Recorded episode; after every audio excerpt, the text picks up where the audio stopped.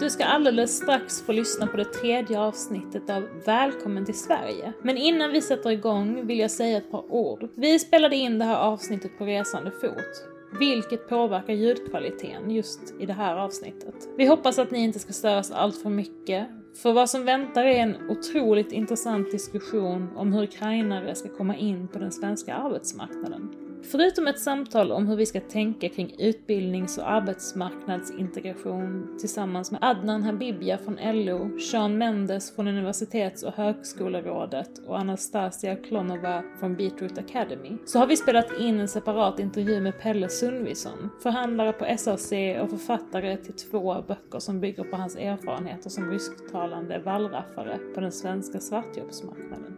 Den intervjun är inklippt i slutet av det här programmet. Hej! Det här är podden Välkommen till Sverige. En podcast om att välkomna flyende från Ukraina till Sverige. Av tankesmedjan Arena Idé i samarbete med forskningsinstitutet Remeso. Jag som pratar nu heter Lisa Pelling. Jag är chef för Arena Idé. Sverige står ju inför ännu ett stort flyktingmottagande, den här gången från krigets Ukraina. Och det är nu som de avgörande besluten fattas om hur de flyende ska välkomnas till Sverige. I en serie samtal samlar vi erfarenheter och kunskap om flyktingmottagande och om integration från aktörer i alla delar av samhället, från akademin till aktivister. Och Välkommen till Sverige finns att lyssna på överallt där poddar finns. Och I dagens avsnitt så ska vi prata om någonting som är helt centralt för människor som kommer nya till Sverige, nämligen arbetsmarknaden. Hur ska de flyende från Ukraina få möjlighet att använda sin utbildning och yrkeskunskap hur ska Sverige berikas av den kompetens som de har med sig? Är det viktigt att snabbt komma jobb? Eller är det viktigare att validera sin utbildning och komplettera sin kompetens för att bättre matcha behoven på svensk arbetsmarknad? Kort sagt handlar det om ett jobb, eller rätt jobb. Med oss för att prata om det här så har vi Adnan Habibja som är utredare på LO med specifikt fokus på arbetsmarknadspolitik och så har vi med oss Sean Mendes som är enhetschef på Universitets och högskolerådet. Och så har vi med oss Anastasia Klonova som själv är från Ukraina men som har bott i Sverige 12 år och nu jobbar för det svensk-ukrainska företaget Beetroot Academy. Men jag tänkte att vi skulle börja med dig eh, Adnan. Du eh, kommer själv från en bakgrund som flykting. Hur tänkte dina föräldrar och andra vuxna i din omgivning kring utbildning och jobb när de kom till Sverige? Handlade det om första bästa jobb eller hade de ett annat sätt att se på mötet med den svenska arbetsmarknaden? Tack Lisa, eh, det känns jätteroligt att vara här eh, att prata om de här angelägna frågorna. Först och främst skulle jag också eh, bara vilja fördöma angreppskriget mot Ukraina och uttrycka en stor solidaritet med det ukrainska folket och de flyktingarna som kommer till Sverige. Jag känner själv stor sympati för flyktingars situation, inte minst i och med att jag och mina föräldrar ankom till Sverige under 90-talet i spåren av kriget i Bosnien. Och jag tror att de allra flesta flyktingar som flyr krig, de fokuserar på trygghet för sig själva, sina barn och och närstående som kanske finns kvar i hemlandet eller som kanske också är i någon, någon, något annat land och flyr. Och många flyktingars ekonomi blir ju ofta fördärvad. Det är ett perspektiv som man glömmer bort. Så många skickar pengar till sin, sina närstående eller till familj för att underlätta deras situation. Många vill också återuppbygga hus som har förstörts. Så det är ofta lockande att, att välja just första bästa jobb för att stärka sin ekonomi och, och hjälpa eh, sin familj och närstående. Tyvärr är eh, erfarenheten från andra flyktingkriser att många fastnar i, i, i, dessa jobb under ganska lång tid och att man liksom är helt enkelt då överkvalificerad för de jobben som man, som man väljer att ta.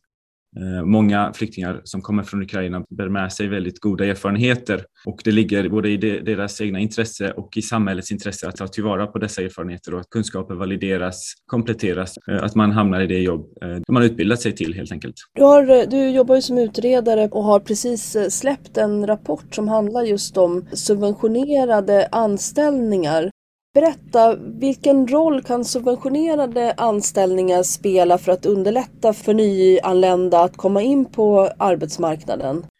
Eh, absolut, eh, det är som så att Sverige har ju valt en, en delvis annorlunda väg än många andra eh, europeiska länder. I Sverige satsar vi väldigt mycket på, på just subventionerade anställningar. Vi har ungefär 100 000 individer, varav ganska många av dem är, är just nyanlända, som får olika typer av subventionerade anställningar som till exempel introduktionsjobb eller nystartsjobb. Och då, det innebär då helt enkelt att eh, arbetsgivaren subventioneras till viss del av lönen subventioneras eh, för att kompensera för faktisk eller förväntad nedsatt produktivitet till exempel för att man saknar erfarenhet av arbete i Sverige eller för att man har bristande svenskkunskaper och så vidare. Det vi ser utifrån eh, forskningen om subventionerade anställningar är att de har goda effekter på etableringen på arbetsmarknaden. Det är väldigt många som, som stärker sin ställning på arbetsmarknaden tack vare de subventionerade anställningarna. Men vi ser också att det finns tecken på en omfattande segmentering av de subventionerade anställningarna. Och med segmentering menar jag då att vi ser en överkoncentration eller överrepresentation av lönesubventioner inom vissa låglönejobb. Eh, väldigt många av de som får subventionerade anställningar hamnar i vissa utvalda branscher och yrken som till exempel inom eh, städbranschen, hotell och restaurang och, eh, och får lägre löner än anställda i stort. Och det är problematiskt och det här behöver vi eh, göra omtag kring subventionerade anställningar för att, träffa, för att de ska träffa bättre och för att vi ska få en bättre utväxling på de satsade resurserna. Och där tror jag att om, om man gör de förändringar som LO föreslår så, så kan subventionerade anställningar ha bättre träffsäkerhet och effektivitet och eh, jag är övertygad om att en, en del av, av de som kommer till eh, Sverige från Ukraina som också skriver in sig på Arbetsförmedlingen kan få hjälp genom subventionerade anställningar men också genom andra insatser som finns i den arbetsmarknadspolitiska verktygslådan. Vi pratade tidigare idag med Pelle Sundvisson som är eh, författare till boken Svenska palmen. Den har getts ut på Verbal förlag. När Pelle skrev den så vallraffade han som rysktalande svartarbetare bland annat i Stockholm. Så han kan man säga har liksom varit på en del av arbetsmarknaden som många ukrainare tidigare har mött i Sverige som byggnadsarbetare, han har även wallraffat som eh, bärplockare. Det är också så att många av dem som kommer till eh, Sverige från Ukraina och särskilt kanske de som kommer nu har högre utbildning, har yrkeskunskaper, har eh, kvalifikationer och det du säger Adnan då är att subventionerade anställningar i högre grad skulle kunna och behöva användas i andra delar av arbetsmarknaden, inte bara för att subventionera anställningar inom ganska lågbetalda sektorer utan även mer kvalificerade jobb. Absolut, absolut. Eh, vi, vi, vi ser gärna att de subventionerade anställningarna sprids till fler branscher och yrken och ett sätt att åstadkomma detta är genom att att höja lönetaket för de subventionerade anställda. För idag är lönetaket satt på 20 000 kronor i månaden eh, och det, lönetaket innebär att arbetsgivaren inte får någon subvention för den delen av lönen som överskrider lönetaket. Och idag är eh, svensk medellön någonstans kring 36 000 kronor. Så det är en stor skillnad mellan medellönen och det tak som finns i de subventionerade anställningarna. Och genom att höja lönetaket så skulle man kunna eh, uppnå en, en bredare spridning till fler branscher och yrken. Ett klart budskap till beslutsfattarna här att överväga att höja det här lönetaket så att subventionerade anställningar kan användas eh, för fler yrkesområden i fler, eh, i fler branscher. Men innan man kommer så långt som att man kan ta en subventionerad anställning så behöver man ofta få en dokument som visar vilken utbildning man har har, vilken kompetens man har med sig. Och då vill jag vända mig till dig Sean Mendes. Du är enhetschef på Universitets och högskolerådet. Kan du inte börja med att berätta vilken roll Universitets och högskolerådet spelar när det gäller att eh, dokumentera nyanländas kunskap, yrkeskompetens, examen? Absolut, tack Lisa. Jo, så på Universitets och högskolerådet har vi bedömningsavdelningen där vi har över 80 medarbetare och vi validerar inte egentligen utan bedömer avslutade utbildningshandlingar. Och vi bedömer dem i tre spår, gymnasiala utbildningar, eftergymnasiala yrkesutbildningar och högskoleutbildningar. Och, och det vi erbjuder är antingen ett individuellt utlåtande. Vi har även eh, en ny tjänst som heter UHRs digitala bedömningstjänst där Ukraina har numera blivit land nummer ett och då kan en individ få information direkt om vad deras utbildning motsvarar i Sverige. Vi har även ett tredje spår kan jag kalla det, där vi kan även ge förhandsbesked och eller verifiera utbildningshandlingar om en arbetsgivare tar kontakt med oss. Jag har förstått att det är viktigt att skilja på dessa, att göra en bedömning av eh, utbildning och att validera. Vad, vad ska man lägga i begreppet validera och vem gör det? Om en person från, låt oss säga Ukraina kommer och har en avslutad uh, tvåårig eftergymnasial yrkesutbildning. Och, men vi tittar på deras eh, diplom, betyg och sen kan vi utfärda ett utlåtande över vad deras utbildning motsvarar i Sverige och då skulle det vara en yrkeshögskoleexamen. Men om en person kommer eventuellt med informella kompetenser som de har lärt sig på arbetet, då har vi eh, valideringsmöjligheter i Sverige. Oftast är de branschbaserade det pågår olika projekt. Det är ett stort projekt just nu som är finansierat av ISF-rådet, eller så Europeiska socialfonden där vi och jag är med i deras styrgrupp där vi utvecklar branschvalideringsmodeller. Så, och sen kan vi bedöma, validera, synliggöra vad personerna har för reell kompetenser, även om de inte har genomgått en formell utbildning och inte har till exempel en diplom. Så det finns helt enkelt eh, olika sätt att, eh, att göra. Man kan få eh, de formella betygen bedömda och, och så att säga kan man säga översatta till det svenska eh, systemet. Men har man också yrkeskunskaper, kanske informella eh, kunskaper så, så kan man eh, inom en bransch också få en sån validering. Men kan vi inte återvända till det här eh, Sean? Du har eh, på din myndighet har ni redan märkt av att det kommer många ukrainare till Sverige. De är redan det största ursprungslandet bland de som utnyttjar redan elektroniska tjänster. Har du någon känsla för vad det är för slags eh, utbildningar man har? Finns det någonting, vet du någonting om åldrar, kön? Den här vågen är väldigt ny och vi ser genom bedömningstjänsten ser vi inte eftersom en person kan generera den själv. Om vi tittar på de som har ansökt om en utbildning skulle vi kunna ge mer information men vi har inte fått många sedan kriget började. Det vi ser att Ukraina är ett land där många, har, många som kommer till Sverige har en eftergymnasial utbildning, antingen en eftergymnasial yrkesutbildning eller en högskoleutbildning och då eh, vet vi att det är en utmaning utmaning. Eh, att vi eh, i Sverige har inte alltid eh, kanske erbjudit rätt möjligheter till de personerna. Vi vet att det är oftast onödigt lång väntetid i olika system för utlandsfödda akademiker i Sverige.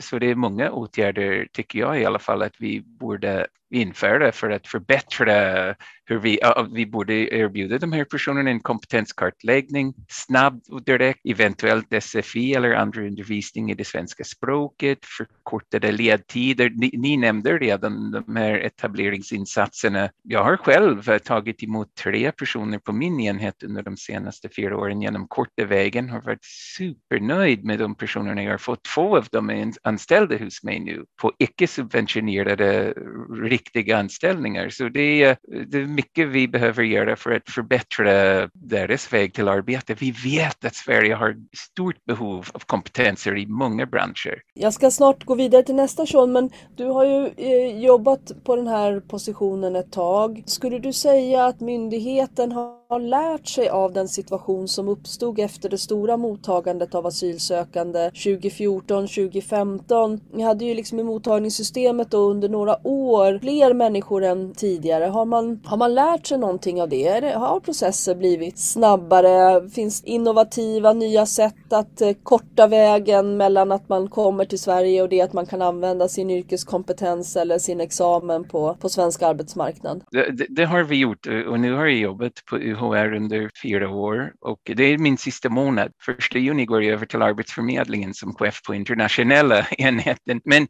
absolut, eh, så när jag kom till UHR hade vi väldigt lång handläggningstid kopplad till eh, enorm eh, mängd flyktingar som kom till Sverige under 2015-16. Och det var en av anledningarna egentligen att vi utvecklade vår digital bedömningstjänst där en person kan direkt se vad deras utbildning motsvarar. Vi har över tusen kvalifikationer där från över 60 länder och ja, som sagt, det var en av anledningarna. Vi tänkte om vi kommer till en ny eh, flyktingskris vill vi kunna erbjuda snabbare information till personerna och då är det inte precis samma sak som ett utlåtande där vi har verifierat deras utbildningshandlingar, men det ger dem information eh, efter en minut som de kan visa till en arbetsgivare och sen kan vi även eh, följa upp med en arbetsgivare om de har fler frågor. Så jag, jag tror att vi har lärt oss och det är en innovativ eh, utveckling som andra bedömningskontor runt om i världen är väldigt intresserade i, den här digital bedömningstjänst.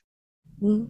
Tack så hemskt mycket Sean. Vi ska gå vidare till dig eh, Anastasia Klonova. Du är själv från Ukraina, du har bott i Sverige 12 år eh, och jobbar för ett svenskt-ukrainskt företag som heter Beatroot Academy. Ni driver korta intensiva yrkesutbildningar inom IT för vuxna, framförallt på distans. Och ni grundades 2014 eh, i samband med Rysslands så kallade annektering av Krim och kriget i Donbass. Jag tror att numera har vi lärt oss att tänka på den annektering också som en första invasion av Ukraina. Eh, och ni jobbar bland annat snabbt med att omskola internflyktingar från Luhansk och Donbass till andra yrken. Ni sitter på en helt unik eh, kunskap. Vad skulle du säga är de största möjligheterna och utmaningarna som den svenska arbetsmarknaden står inför nu när många ukrainare på nytt kommer till Sverige och ska in på den svenska arbetsmarknaden? Tack Lisa och jättekul att vara också här och berätta lite om våra erfarenheter och möjligheter. Jag tror att framför allt jag kan prata från eh, just det här techperspektivet och vad techbranschen har att erbjuda till ukrainare, men också vilka utmaningar techbranschen har i Sverige och hur vi kan möta de utmaningar med de här möjligheterna med ukrainare som kom till Sverige.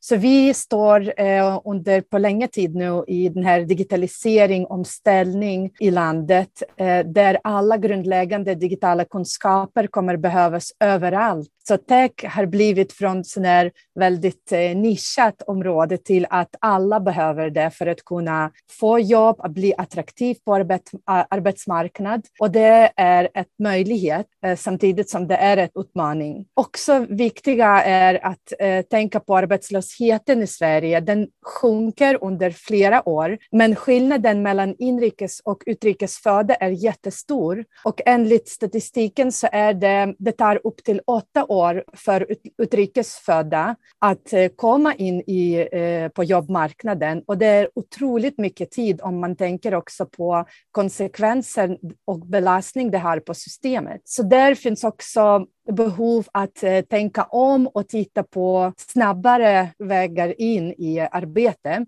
Eh, och eh, det, det sista eh, utmaning som jag kan nämna det är just det här med eh, vi har ett jättestort behov att i techbranschen. Tech Sverige säger att eh, 70 000 eh, kommer vi behöva inom tech redan om ett år, som gör också väldigt möjligt för oss att titta på kortare yrkesutbildningar. Vi kan också titta på hybrida lösningar där man kan börja liksom utbildning samtidigt som man kommer in i praktik. Så det är en sån där blandad form som vi behöver. Eh, sen sista som jag kan nämna är att inom ramen för Beatroot Academy i Sverige har vi nu på en månad samlat information om de som från Ukraina eh, som skulle bli intresserade av eh, korta techutbildningar. Och det vi ser är att 85 procent av eh, 150 som har svarat på enkät har högre utbildning, men inom branschen som behöver också språkkunskaper, väldigt höga språkkunskaper i svenska och engelska, som tyvärr de flesta saknar. Enligt den här enkäten så är det bara 30 procent som kan prata bra engelska. Och där också det är intressant att titta på just de branscherna där teknisk kompetens eller som sagt den praktiska kunskaper kan spela viktigare roll än språket. För att för mig själv till exempel att när jag började mitt eh, jobbresan i Sverige så var det det här att mina kompetenser kom först och språket följde i processen att man nätverkar, träffar folk, eh, försöker liksom eh, bli en del av samhället. Men jag, jag tror att det är viktigt att titta på de branscherna där just de här kompetenser kommer först innan språket. Tack så hemskt mycket Anastasia. Det är otroligt inspirerande att, att lyssna till dig och, och höra om allt som ni har gjort med företaget. Kan vi inte stanna en liten stund vid detta med språkkunskaper. Eh, för det är ju ett problem med den här formen som de ukrainska flyktingarna kommer inom, att de betraktas som asylsökande trots att de har uppehållstillstånd i Sverige. Det blir, vi ägnade ett helt avsnitt åt det här konstiga. Man har uppehållstillstånd men man omfattas av lagen om mottagande vilket innebär att man har dagsersättning. Man får jobba men man får inte läsa SFI så det kommer vara ett problem att, att få tillräckligt höga språkkunskaper även om folkbildningen då gör sitt bästa för att eh, kompensera det genom olika typer av folkbildningsutbildningar. Men om man går till dig eh, Adnan, är det här någonting som eh, LO också har tittat på? Vad är det för krav som ställs för att komma in på svensk eh, eh, arbetsmarknad och för att kunna få ett jobb som har någorlunda schyssta arbetsvillkor eh, som är eh, ett jobb som man kan få som nyanländ men som, men som ändå ger en lön som man kan leva på, eh, arbetsvillkor som är, som är rimliga. Eh, vilken roll spelar, spelar språk? Ställer man för höga krav på språkkunskaper eller, eller borde man ställa högre krav? Det är precis som du säger att, eh, att svenska är ett krav som väldigt många arbetsgivare ställer när de ska rekrytera och jag kan tycka att eh, väldigt många arbetsgivare ställer för höga krav på svenskkunskaper. I väldigt många jobb så, så behöver man inte ha en liksom, perfekt svenska. Och väldigt många ukrainare har ju väldigt god engelska med sig. Och ja, i, Sverige, eh, I Sverige är det väldigt många, eh, nästan till alla, som, som kan göra sig förstådda på engelska och förstår engelska. Så att jag, jag tror att man kan komma väldigt långt med engelska kunskaper. Språk lär man sig också väldigt mycket på jobbet. Väldigt många hamnar i det här moment 22, att man pratar inte perfekt svenska och därmed kan man inte få jobb och man kan inte heller utveckla svenskan på jobbet. Och det, det är lite olyckligt kan jag tycka och därför behöver man liksom vända på steken och eh, göra det möjligt att lära sig svenska på jobbet helt enkelt. Eh, tack eh, Adnan. Vill du säga någonting om det eh, Sean? Du nämnde att du har fått eh, två nya medarbetare genom den här korta vägen. Om jag minns rätt så är, handlar korta vägen om eh, personer som har en akademisk utbildning som, som får hjälp att, så att säga, korta vägen in på svenska svensk eh, arbetsmarknad. Men jag tänker att eh, yrken som kräver akademisk utbildning ofta är yrken som kräver en väldigt hög nivå på, på språkkunskaper som Anastasia beskriver. Att man måste kunna eh, svenska och engelska på en ganska hög nivå. Hur, hur har man löst det i projekt som Korta vägen till exempel? Jo, jag, men, jag tror att en utmaning för oss i Sverige, Lisa, eh, för arbetsgivare att tänka kreativt och med, det låter lite löjligt, men med öppet hjärta. Så det är klart att det svenska språket är en utmaning, men om de kan engelska som de flesta kan går det att hitta lösningar. En av dem som jag anställde var inte särskilt duktig på svenska och, och uh, han använde en hel del engelska från Syrien och det gör vi i vårt arbete också. Så han har fått med mycket svenska genom jobbet. Jag själv kunde inte, jag pratade väldigt lite svenska när jag kom hit. Jag jobbade inom statsförvaltningen i Kanada, fick jobb på en statlig myndighet med knackig svenska och det, min svenska utvecklades ganska snabbt när jag väl fick ett jobb på en myndighet. Så jag tror det är bra om vi kan tänka flexibelt att jo men okej, okay, personen pratar lite svenska men de är jätteduktiga på engelska, det behöver vi också och vi kommer att lösa det och det har funkat jättebra. Tack så hemskt mycket. Det är jätteintressanta eh, perspektiv. Om, om jag går tillbaka till dig eh, Anastasia. Ni har ju från Beatroot Academy kan man säga fungerat lite grann som en brygga mellan den svenska arbetsmarknaden och den ukrainska arbetsmarknaden. Ni har utbildat för personer som jobbar i Ukraina och har förbundit dem. Vad, vad är ditt perspektiv på hur den ukrainska arbetsmarknaden ser ut just nu? Ni har medarbetare i företaget som jobbar i Ukraina och medarbetare som jobbar i Sverige. Vill du säga någonting om det? Absolut. Eh, några ord bara, några reflektioner. Jag tänker att det viktigaste i eh, frågan om språket och generellt arbetsmarknadsintegration det är att inte ta för givet att personerna som kommer hit förstår systemet och fattar hur, hur liksom allt det här funkar. Jag tror att väldigt många kanske missar möjligheter, till exempel som eh, universitet och högskolerådet har, så att vara också lite mer öppna till att eh, kommunicera på olika sätt till folk och också vara, vara inklusiva. För att det här att många pratar engelska, visst det är så, men det är jättemånga som har väldigt bristande kunskaper. Så att för att ha den här tanken att vi, vi ska tänka liksom det här uh, inclusiveness i generellt. När det gäller uh, den ukrainska arbetsmarknaden, jag tror att några viktiga delar i den är att väldigt många har inte idén om att välfärden kommer försörja dem och det tror jag kommer hjälpa dem dem i nya sammanhang för att de vill få jobb snabbt på alla möjliga sätt för att kunna försörja sig själva. De, de har det här för förberedelse att agera snabbt och vara väldigt effektiva på att både kanske plugga och arbeta Eh, så att man får bättre kompetens men samtidigt får enklare jobb. Så att när du i början nämnde det här ett jobb eller rätt jobb så tror jag att det är både och just nu som gäller. Att kanske få det första jobbet man får men sen göra det här parallellt med att hitta rätt jobb. Och eh, jag tror att också det som, det som kommer hjälpa mycket om vi eh, var och en person ska tänka vad kan jag göra i den här situationen kan ju till exempel komma in som mentor mentor? Kan vi bjuda in till något nätverkande event? Så jag tror att allt det här i svenska samhället som är viktigt, att träffa andra människor och ha ett nätverk. Och det här nätverket är viktigt. Ukraina är ett jättestort eh, land med jättemycket olika områden. Eh, näringslivs är väldigt, har väldigt olika riktningar, men just det här IT-riktningen är jättestort och alla i Ukraina förstår också att det kan vara ett möjlighet. Så även de som kommer och har kanske juristutbildning, jobbat med administration, de är väldigt öppna på att omskola sig. Eh, och jag tror att det är också som Sverige ska ta eh, hänsyn till att de brister bristande yrken där vi behöver mest kompetens. Vi kan ju erbjuda kortare UH-utbildningar, kortare spår till jobbet och där ska vi fokusera på att visa ukrainare att det finns jobb tillgängligt och jag tror att väldigt många kommer öppna upp sig för att omskola till eh,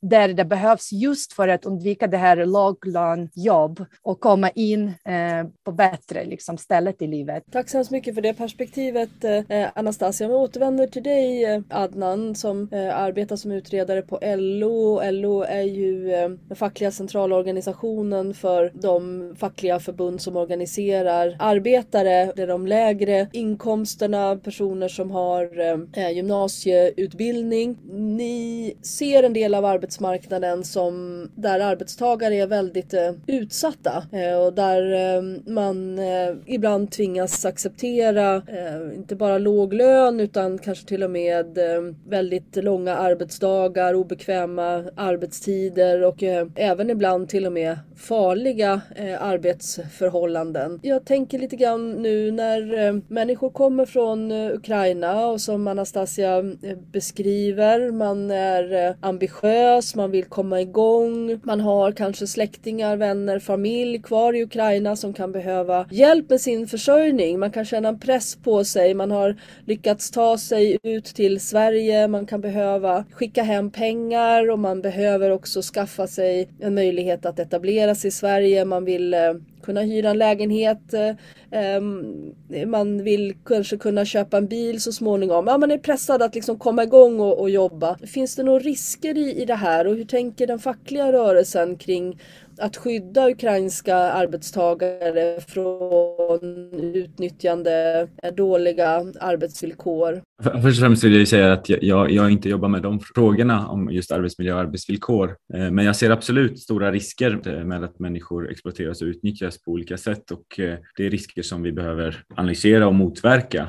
Jag ser eh, i Sverige eh, eh, har vi kollektivavtal som, som en garant för, för goda villkor och vi har, det är också viktigt att, att, att man organiserar sig fackligt, att man blir medlem i facket och att man tar hjälp av sitt fackförbund när man misstänker att det inte går schysst till på den här arbetsplatsen. Så det är en, en viktig uppmaning till de ukrainska flyktingarna som, som har kommit till Sverige att analysera villkor och innan man skriver under ett anställningsavtal och ta kontakt med berört fackförbund helt enkelt. Tack så mycket, det är en bra uppmaning där och jag tänker att Anastasias uppmaning också att eh, bli bättre på att informera de som kommer om hur det svenska systemet eh, fungerar. Det var någonting som Pelle Sundvisson påminde oss eh, när vi pratade här tidigare. Den svenska modellen ju bygger på fackligt medlemskap Eh, arbetsvillkoren tryggas ytterst av kollektivavtal. Jobbar man på ett företag som inte har kollektivavtal, ja då finns det knappt någon nedre gräns för hur låg lönen kan vara och ingen statlig myndighet att vända sig till heller. Utan eh, det handlar om att, att se till att få anställning där, där man kan få de här eh, rättigheterna tryggade. Vi behöver runda av. Ni har redan nämnt en hel del som behöver göras här framåt. Är det, är det frågor ni vill lägga till nu när eh, vi får ett stort mottagande av eh, nyanlända från Ukraina när det gäller vilken arbetsmarknad de ska möta. Vad, vad borde beslutsfattare på olika nivåer tänka på nu? Eh, jag tänker att eh, vi, vi i Sverige tror väldigt ofta att systemet kommer hantera kriser. Men vi, systemet är redan överbelastat eh, och det måste vi förstå. Så min medskick till politiker och myndigheter är att engagera mer civilsamhället, engagera mer privat sektor och jobba fram en hybrida lösningar där både så här, utbildningssystem kan göra sin del, men sen att det finns en så här, säkrare väg till jobbet. Jag tror att det här är jätteviktigt för oavsett om, eh, om personen kommer från Ukraina eller vilket annat land som helst. Så vi behöver, det här kriset visade oss i Sverige att det finns otroligt mycket kapacitet och potential i det här samarbetet och samhällsrörelse. Och jag eh, som ukrainare är jättetacksam till alla i Sverige som tar emot i sina hem ukrainare och som försöker stödja med jobbet och allt annat. Så jag tror tror att det är redan fantastiskt vad vi ser, men jag tror att offentlig sektor ska vara med och facilitera den processen också på alla möjliga sätt. Tack så hemskt mycket. Vi avslutar det här avsnittet av Välkommen till Sverige. Tack så hemskt mycket eh, Adnan Habibja, utredare på LO, Sean Mendes som är enhetschef på Universitets och högskolerådet på väg till Arbetsförmedlingen och sist men inte minst Anastasia Klonova som eh, jobbar på Beatroot Academy. Pelle Sundvisson, du är eh, författare och eh, dessutom fackligt aktiv i SAC. Du är aktiv som tolk och förhandlare. Du är författare till flera böcker som eh, just handlar om arbetsmarknaden för ukrainare i Sverige, deras arbetsvillkor och arbetsvardag. Det du har gjort Pelle helt enkelt är att wallraffa kan man säga. så du har arbetat som om du vore en ukrainsk arbetare. Berätta, vad är det för arbetsmarknad som ukrainsk arbetskraft har mött i Sverige hittills? Det är en typ av daglöneri där man inte är säker på hur det kommer bli nästa dag, om man kommer ha jobb eller om man inte kommer ha jobb. Där man i långa perioder kan gå helt eh, arbetslös och utan skydd. Där eh, chefens eh, liksom, egna infall och personliga övertygelse kan spela väldigt stor roll på din lön. Eh, där du inte alls är säker på om du alls kommer få den avtalade lönen när du, när du slutar. Eh, där det inte finns något skyddsnät. Om du skulle eh, göra dig illa på jobbet finns det inget skyddsnät alls. Om du skulle bli sjuk så finns det liksom inget skydd för dig alls. Där också boendet påminner om det som vi hade i Sverige för arbetare för sådär 100-120 år sedan. Alltså massa människor in, inklämda på väldigt trånga utrymmen. Och då har du arbetat inom bärbranschen som bärplockare och du har arbetat som byggnadsarbetare, snöröjare. Är det de här två branscherna som eh, har varit eh, utmärkande för ukrainares arbetssituation i Sverige? Skulle man kunna säga det? Alltså det beror lite på vad man menar. Alltså det här är ju en en, dels så kan man säga att i bärbranschen, den går att fylla upp med liksom alla möjliga. Där är det ju bara prestation, så man får ju betalt per, per kilo bär. Så dit så kommer liksom alla möjliga. Men när det kommer till det, de här jobben som finns i storstäder så är det en, en marknad som är inte 100 procent, men nästan fullkomligt könssegregerad. De män som kommer hit, de arbetar inom byggbranschen eh, och kvinnor jobbar i väldigt, väldigt stor utsträckning med städning. Eh, och ifall det är svarta svartarbeten så är det kanske främst hemstäd. Man jobbar också på, på offentliga objekt, städar förskolor på nätterna och institutioner, tingsrätter. Vi har, eh, och tar vi andra, vi har ju i vårt eh, fackförbund så har vi många spansktalande medlemmar också. Där ser vi att det finns en större koppling till restaurangbranschen och bland våra bengalisktalande eh, medlemmar så är restaurangbranschen kanske störst. Restaurangbransch och sådana där matutlämning och så. Så det, det tycks vara så att det är liksom organiserat efter språk. Om jag har förstått det rätt så är det så att det finns ett visst stigberoende när det gäller arbetsmarknaden. Om det finns delar av arbetsmarknaden där ens landsmän har fått fotfäste så ökar sannolikheten för att det är just där man kanske får sitt första jobb. Och du pratar om en liksom språksegregerad arbetsmarknad utöver att den också är könssegregerad och säger att rysktalande de får ofta jobb inom eh, eh byggsektorn och, och, jag tänker att eh, byggsektorn är väldigt stor. Tror du att den arbetsmarknad som har varit hittills för rysktalande och för ukrainare i Sverige, kommer den att påverka vilken arbetsmarknad som de ukrainare som kommer nu kommer att komma ut på? Det som vi ser bland våra, eh, våra medlemmar som är, liksom, kommer från byggsektorn och som av en slump inte befunnit sig i Ukraina, det är att de sugs upp med en gång av olika företag eh, och har väldigt lätt att få jobb men att det är inom de här strukturerna där man redan pratar eh, ryska. Och det eh, ofta så ser strukturen ut så här, alltså det finns en väldigt tydlig hierarki här. Att de som äger företagen och driver företagen, det är ofta Eh, människor med väldigt starkt fäste i, i EU åtminstone. Alltså man kommer från Baltikum till exempel eller man kommer från Polen eftersom många ukrainare också pratar eh, polska. Och sen så ser vi att det är liksom ovanför dem finns svenska företag som använder de här som underentreprenörer. Så det är liksom för, för den ena gruppen. Eh, och det, jag tror att alla de som tidigare arbetat inom byggbranschen i Sverige kan komma hit och de kommer kunna få jobb ganska om, omgående. Och för dem kan ju till och med villkoren bli bättre eftersom de alla nu kommer ha möjlighet att jobba vitt. De kommer ha arbetstillstånd och så. Eh, men sen så har man den här sto stora gruppen som är kvinnor eh, och där är det ju det som erbjuds är ju liksom städbranschen. Det är där vi, eh, de medlemmar som vi har och alla de som jag pratar med, det är ju liksom städbranschen där det finns eh, möjlighet. Det ser ut som att det kommer, kommer bli så. Den stora skillnaden kan vara att nu erbjuds det ju eh, gratiskurser i svenska. Så alla som kan,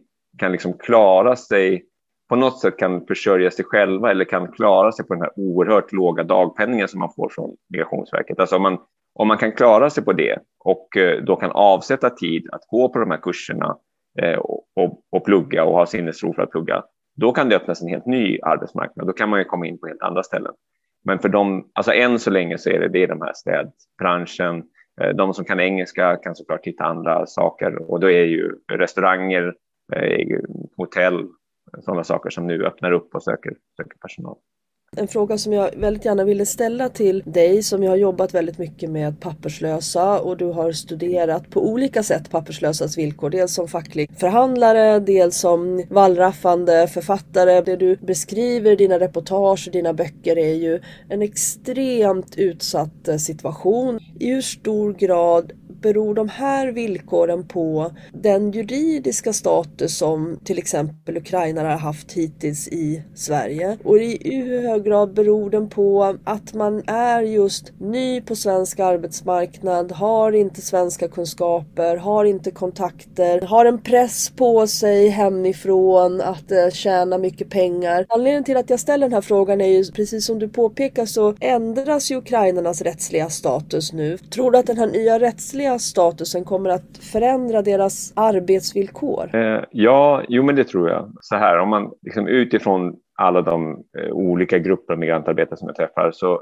tycker jag att det finns ett väldigt tydligt samband. Ju mer prekär en arbetares situation är rent rättsligt, desto sämre är villkoren. Alltså om man till exempel tar då eh, ukrainska byggare, de jobbar väldigt sällan för mindre än kanske 90 kronor svart i timmen. Medan när vi träffar uzbekiska, kirgisiska arbetare eh, som gör liksom samma jobb så får de ofta 70, kanske ibland till och med 60 kronor i timmen.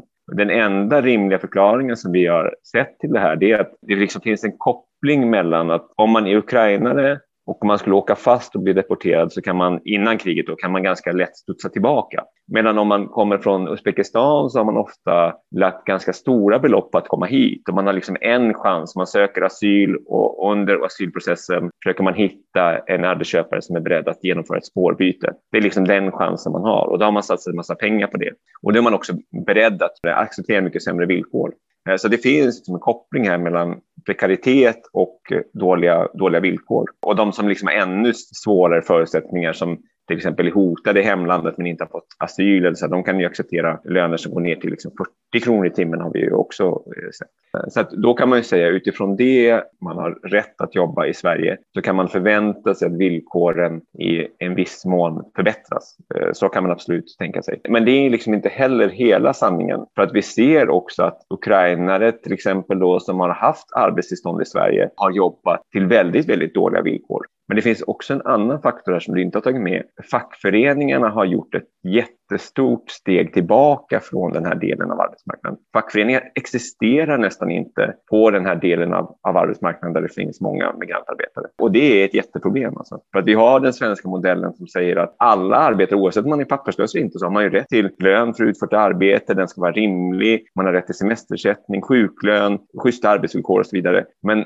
eftersom man för att få det måste vara medlem i en fackförening, om man inte har tillgång till någon fackförening, så blir det liksom ett vakuum. Så det som man kan förvänta sig är ungefär så här ja, de ukrainare som, som kommer hit, man kan förvänta sig att de klarar sig lite bättre än de som har varit här tidigare. Eh, samtidigt kan man säga att det kommer många kvinnor, det kommer bli väldigt mycket människor i städbranschen. När det är många som vill in och arbeta där så kommer ju villkoren försämras eh, över tid eh, eftersom det här är som en, ja men man får tänka sig en, en arbetsmarknad för för 100-120 år sedan där det inte finns några eh, normer utan då är det bara tillgång och efterfrågan som styr allting. Eh, och det som vi redan har sett som en liksom, konsekvens av det här det är att städföretag som tidigare har plockat in olika grupper från den rysktalande världen, de plockar nu in bara ukrainare och de som kommer från andra ställen från Uzbekistan och så vidare, de förvisas till, till, till ännu sämre villkor än, än de haft tidigare. Det liksom finns eh, en rad parallella processer här som, som pågår samtidigt en appell till, eh, till de fackliga organisationerna att vara mer närvarande på den här delen av eh, arbetsmarknaden. Om du skulle peka ut någonting som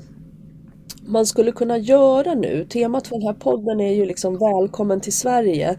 Om vi ska välkomna de ukrainska flyktingarna till, eh, till Sverige. Om det nu kommer 80 000 i år som är någon slags eh, prognos från Migrationsverket just nu. Vad borde vi göra för att deras arbetsvillkor ska bli så bra som, som möjligt?